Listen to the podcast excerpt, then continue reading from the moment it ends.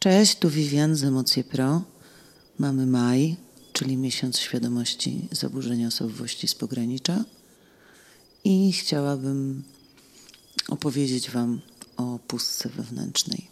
To jest artykuł, który możecie znaleźć online, ale jak wiemy, nie zawsze każdy jest w stanie czytać e, długie teksty, bo nie może się skupić, albo podcast można sobie włączyć idąc gdzieś, czy jadąc, czy robiąc coś.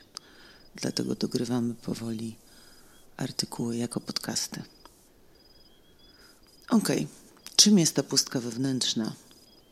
Jest to dosyć enigmatyczne kryterium diagnostyczne.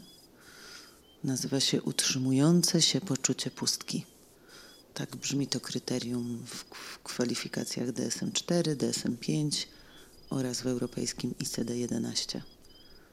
To, co niezwykle ważne w porównaniu z innymi diagnostycznymi kryteriami BPD, to właśnie pustka jest największym czynnikiem ryzyka samobójstwa i samouszkodzeń.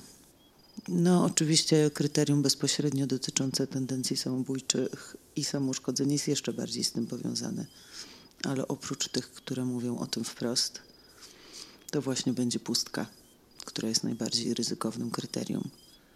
To również pustka najbardziej wiąże się z problemami psychicznymi, niedostosowaniem społecznym, które powoduje takie cierpienie.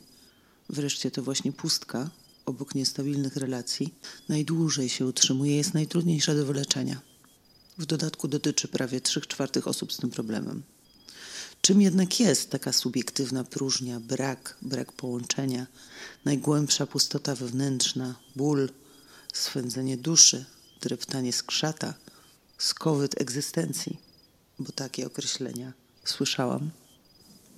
Pustka jest zwykle kojarzona z borderline, ale tak naprawdę to jest objaw transdiagnostyczny, czyli występujący w różnych problemach, na przykład w depresji, problemach lękowych, PTSD, też zaburzeniu osobowości narcystycznej, a nawet antyspołecznym. No temu za górami, za lasami i trzema DSM-ami, czyli w DSM-3, pustka uważana była za nudę. W nowych badaniach poczucie nudy bada się oddzielnie.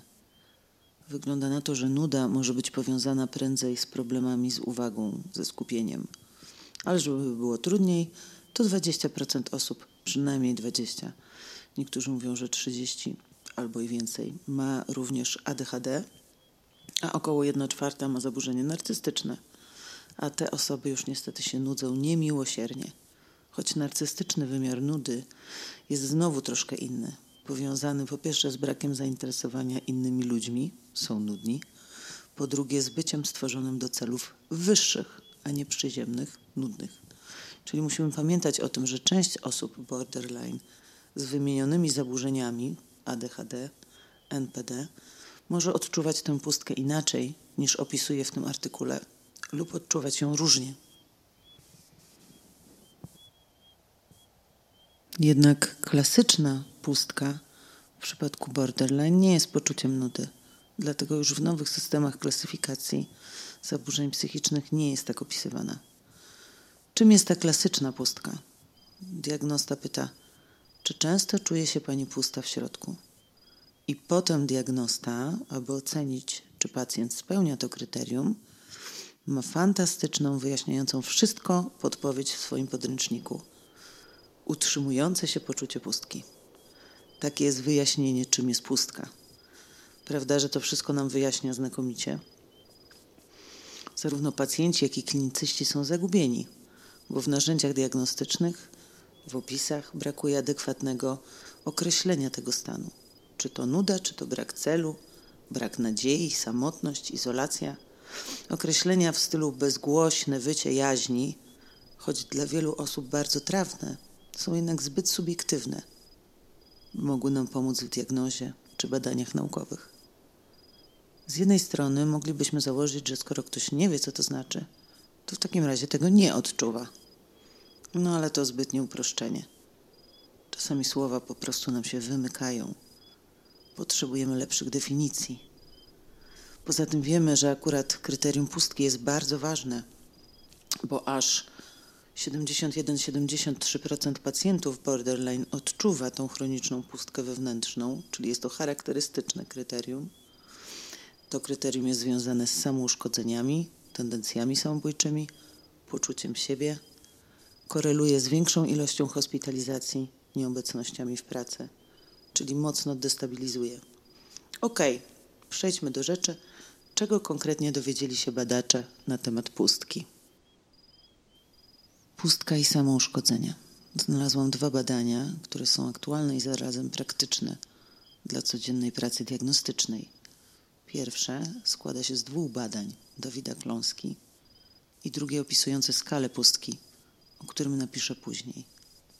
Najpierw badano 45 osób, które dokonywały samouszkodzeń. Tutaj badano poczucie pustki jako stanu, czyli czegoś przejściowego, a nie chronicznego.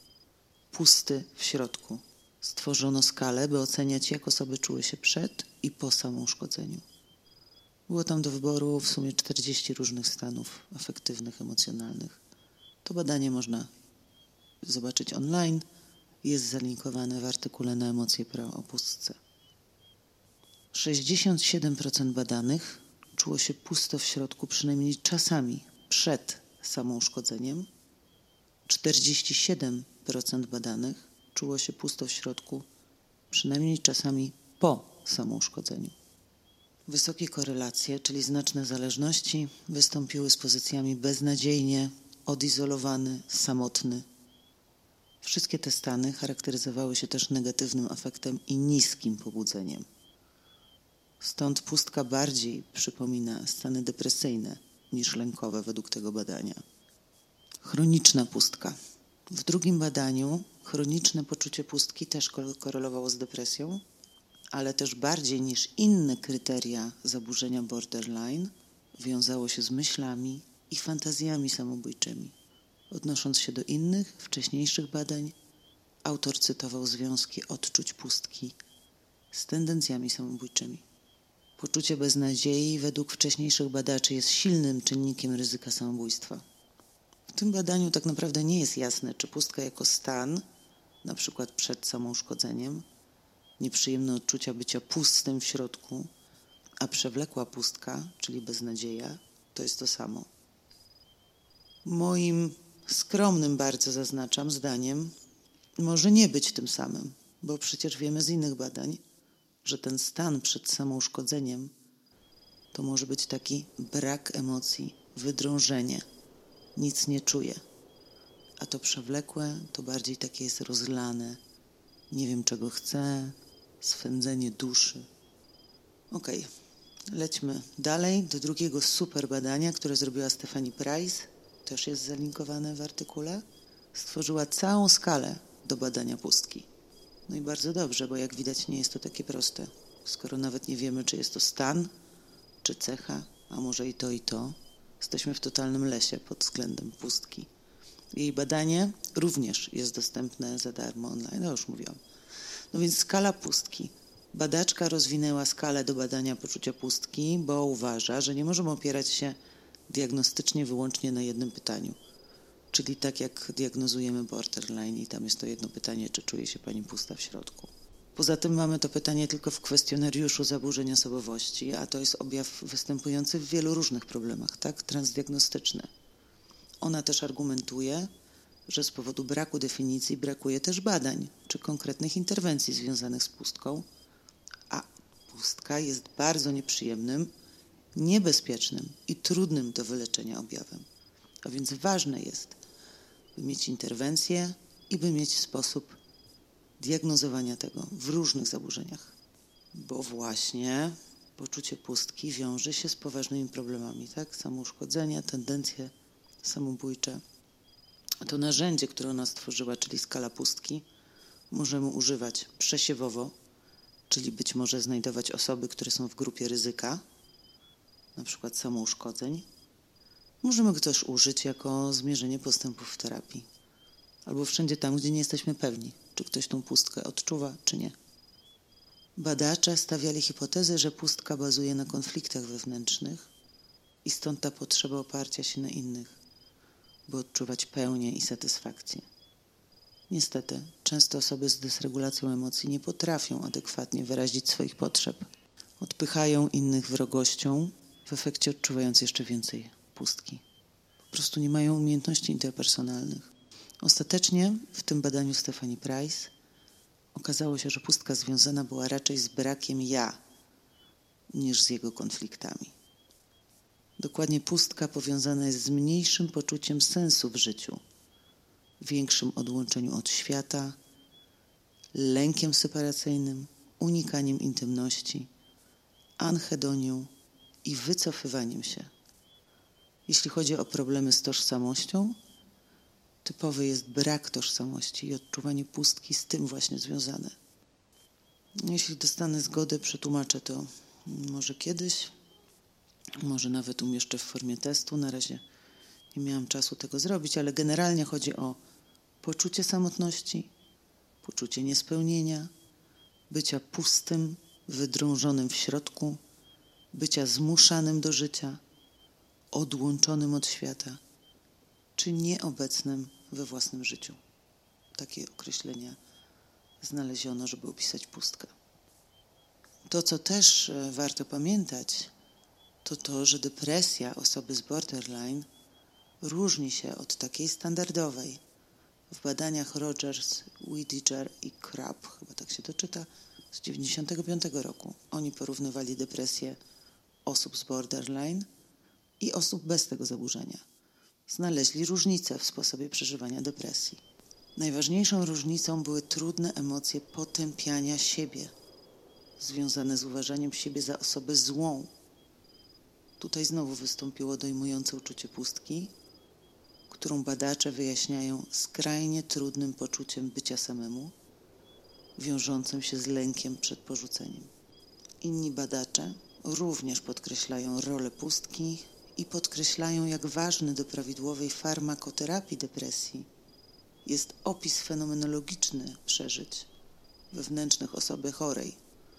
Tak, tutaj akurat odnoszę się do badań Leichzenring z 2004, który badał depresję charakteryzującą się również złością, rozpaczą, niestabilną, negatywną afektywnością, poczuciem samotności. Czyli jeśli chcemy efektywnie leczyć kogoś na depresję, no to warto się dowiedzieć, jak osoba tę depresję odczuwa. Samo okaleczenia, samo uszkodzenia, czyli słowa są ważne. Chciałabym Wam powiedzieć, powtarzam to wielokrotnie w różnych miejscach, dlaczego nie mówimy już o samookaleczeniach. Słowa, jakich używamy, a co za tym idzie, destygmatyzacja problemów i zaburzeń jest ważna. I w takiej książce Terapia samouszkodzeń Barent Walsh pisze, że od lat 90. nie mówi się o zachowaniach takich jak przecinanie, przypalanie skóry, bicie się itp. jako o samookaleczeniu. Używa się terminu samouszkodzenie lub samouszkodzenie bez intencji samobójczych. Samookaleczenie jest terminem zbyt negatywnym, sensacyjnym i nieadekwatnym, żeby opisać te zachowanie. Osoby stosują takie zachowania, żeby poradzić sobie z emocjami, więc w tym sensie to są zachowania przystosowawcze. Oczywiście pracujemy nad zmianą tych zachowań podczas terapii. Te zachowania są też zawsze niepokojące, ponieważ stanowią czynnik ryzyka samobójstwa. Poza tym, samoleczenie też nie jest adekwatnym określeniem, bo najczęściej największą szkodę, jaką samouszkodzenia wyrządzają, są blizny. Nie ma więc tutaj okaleczeń wedle definicji tego słowa. Stygmatyzowanie tych zachowań powszechnych wśród młodzieży, bo to jest 27% młodzieży dokonuje samouszkodzeń i ukrywanych przez większość osób, prowadzi do jeszcze większego wstydu i niezgłaszania się po pomoc. Dlatego piszę o tym wszędzie i mówię, podkreślam, jak ważne są słowa i terminy, których używamy. Czyli podsumowując, mówimy samo uszkodzenie. Nalej z pustego. Wracając do naszej pustki. Oczywiście, jak zwykle, mamy cztery rozwiązania każdego problemu. Po pierwsze, rozwiązać problem, czyli zrób coś z pustką. Niestety często właśnie tak się dzieje, że osoby gorączkowo coś z pustką właśnie robią. Tyle, że bardzo nieefektywnie. Samouszkodzenia, narkotyki, alkohol, seks, jedzenie, kompulsywne sprzątanie, cokolwiek innego. to są wszystko metody na to, by unikać tego poczucia pustki. Wszystko to działa, dopóki działa. My oczywiście nie wspieramy takich metod. Dwa, regulować swoje emocje dotyczące problemu. O tym będę jeszcze mówić. Trzy, radykalnie akceptować, że jest pustka we mnie, że jest to trudne i na razie nie jestem w stanie nad tym pracować, ale to nie znaczy, że zawsze tak będzie, czy że się poddaję. Po prostu znaczy, że robię przestrzeń na trudne doświadczenia i emocje z nimi związane. Jest też oczywiście wyjście czwarte, cierpieć dalej albo jeszcze pogorszyć swoją sytuację. No ale o tym rzecz jasna nie będziemy mówić. Myślę, że każdy świetnie wie, jak pogorszyć swoją sytuację. Co więc możemy sensownego zrobić z pustką, czyli ćwiczenia z pustką? Najlepiej będzie poćwiczyć obserwowanie tej pustki wewnątrz siebie. Ale jak wspomniałam wcześniej, jeśli nie jesteś w stanie na razie tego ćwiczyć, to. Okay. Możesz próbować odwracać uwagę w jakiś konstruktywny sposób, tak? Czyli zamiast samouszkodzenia pograj w grę komputerową, pooglądaj serial. To byłyby metody odwracania uwagi.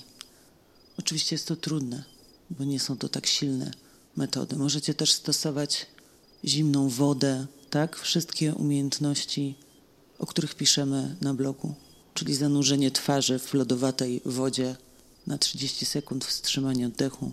I to powinno pomóc zejść z bardzo silnych emocji czy silnych stanów. Ale wracając do obserwowania pustki, pamiętaj o uprawomocnieniu.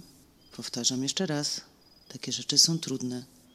To może być nieosiągalne dla ciebie w danym momencie. Możesz też wtedy zastosować radykalną akceptację. Na razie nic z tym nie zrobię. No i właśnie te umiejętności przetrwania kryzysu. Poczytajcie artykuły z tagiem kryzys na naszym blogu. Ok, jeśli jednak chcesz się zmierzyć z pustką, to możemy ją obserwować tak samo jak obserwujemy emocje, czy też ból. Więc możesz wybrać któreś z naszych nagrań, czy to opisywanie emocji, czy właśnie obserwowanie bólu, czy akceptowanie tego, co jest. Zamiast skupiać się na emocjach, to skup się po prostu na odczuciu pustki. Spróbuj zobaczyć, czym ona jest. Spróbuj zrobić jej miejsce wewnątrz, bo ona, ta pustka, i tak już tam jest wewnątrz ciebie. Opieranie się jej nic nie da. Oczywiście robimy to bez oceniania, bez krytykowania. Niech sobie ta pustka będzie. Spróbuj podejść do niej z ciekawością. Zamiast z odpychaniem, to z ciekawością. Jak naukowiec z innej planety. Przelatujesz z Marsa, dostajesz ciało człowieka, żeby się poruszać i doświadczasz pustki. Kiedy jesteś naukowcem z Marsa, nie masz żadnych nastawień do tego uczucia, tak? Nie wiesz, że to jest coś nieprzyjemnego. W taki sposób spróbuj do tego podejść, tak? Jakbyś przez lupę oglądała, oglądał i miał później opowiedzieć innym o tym, czym jest ludzkie poczucie pustki, jak już wrócisz na swoją planetę. Badaj swoją pustkę z życzliwą ciekawością. Oddychaj z nią i w nią, a potem puść ją. Nie trzymaj się jej kurczowo. Pozwól jej się rozwiać jak chmurą na niebie, jeśli potrafisz albo oddychaj z nią dalej. Nawet jeśli na początku uda Ci się zrobić to ćwiczenie przez pięć minut czy dwie, super, udało Ci się zrobić pierwszy krok. Pierwszy krok akceptowania swojego wnętrza, nieoceniania go. Jak mówiłam, ale powtórzę to jeszcze wiele razy, ponieważ pustkę odczuwają osoby, które były wielokrotnie unieważniane jeśli jest to na razie za trudne dla ciebie takie ćwiczenie, nie rób tego. Zrobisz to kiedy indziej. Zacznij od obserwowania prostszych rzeczy, na przykład delikatny ból głowy. Tak, zamiast od razu odwracać od niego uwagę, czy albo nawet jeśli weźmiesz lek na e, przeciwbólowy, no to zanim on zacznie działać, parę minut będziesz z tym bólem głowy. No i właśnie, spróbuj wtedy go obserwować z ciekawością. Czym jest ten ból? Czy jest pulsujący, gorący, zimny? W którym miejscu jest? Może zmienia swoje miejsce? I tak dalej. Czasami ból fizyczny łatwiej jest nam zaakceptować i obserwować niż emocje, czy właśnie pustkę. Więc możemy zacząć od bólu, a później to samo ćwiczyć z emocjami czy z pustką. Jednak jest to konieczne ostatecznie, tak, żeby umieć być ze swoimi doznaniami wewnętrznymi.